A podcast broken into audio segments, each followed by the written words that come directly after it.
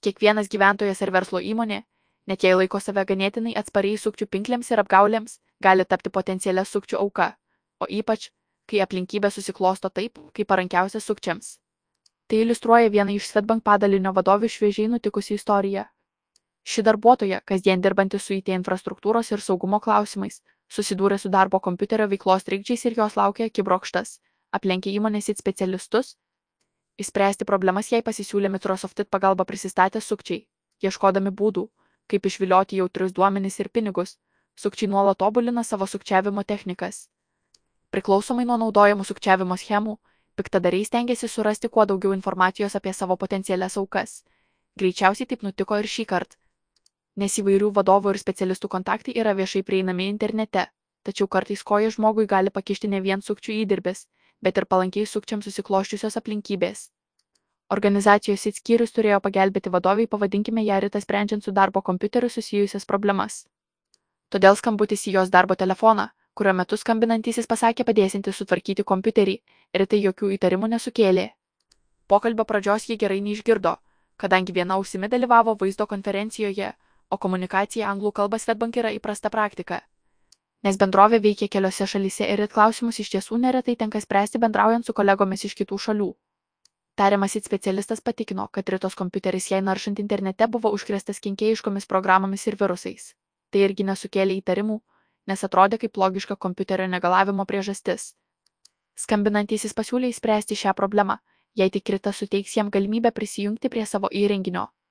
Vis dar neįtardama nieko blogo, Rita jau ruošiasi leisti savo kompiuterį valdyti nuotoliniu būdu prieš tai perėjus įprastą saugumo rutinas, nes tai įmonėje įprasta praktika sprendžiant kompiuterių problemas.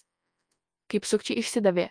Visgi toliau bendraujant su skambinančiuoju Ritai iškilo klausimas, kodėl jo anglų kalba turi indišką akcentą ir kodėl ją kreipiamas į kreipiniu MAM. Tai anglakalbėm šalims būdingas kreipinys, kurį gan dažnai galima išgirsti Pietų Azijoje. Tai Ritai pasirodė keista, nes įprastai organizacijos ir pagalbos skyriuose darbuojasi lietuviai, latviai ir estai. Dar daugiau įtarimų ėmė kelti didžiulis tariamojo darbuotojo spaudimas kuo greičiau suteikti prieigą nuotoliniu būdu prisijungti prie Ritos kompiuterio. Mėgindamas ją įtikinti skubiai tai padaryti, jis paminėjo, kad tikrai skambina iš Microsoft.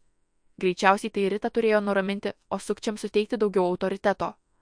Tuomet Ritai atsivėrė akis ir ji pagaliau suprato, kad ją čia ir dabar apgaudinėja juk įmonės darbo kompiuterius ir kitą biuro techniką prižiūri visai ne Microsoft, o vidiniai organizacijos darbuotojai.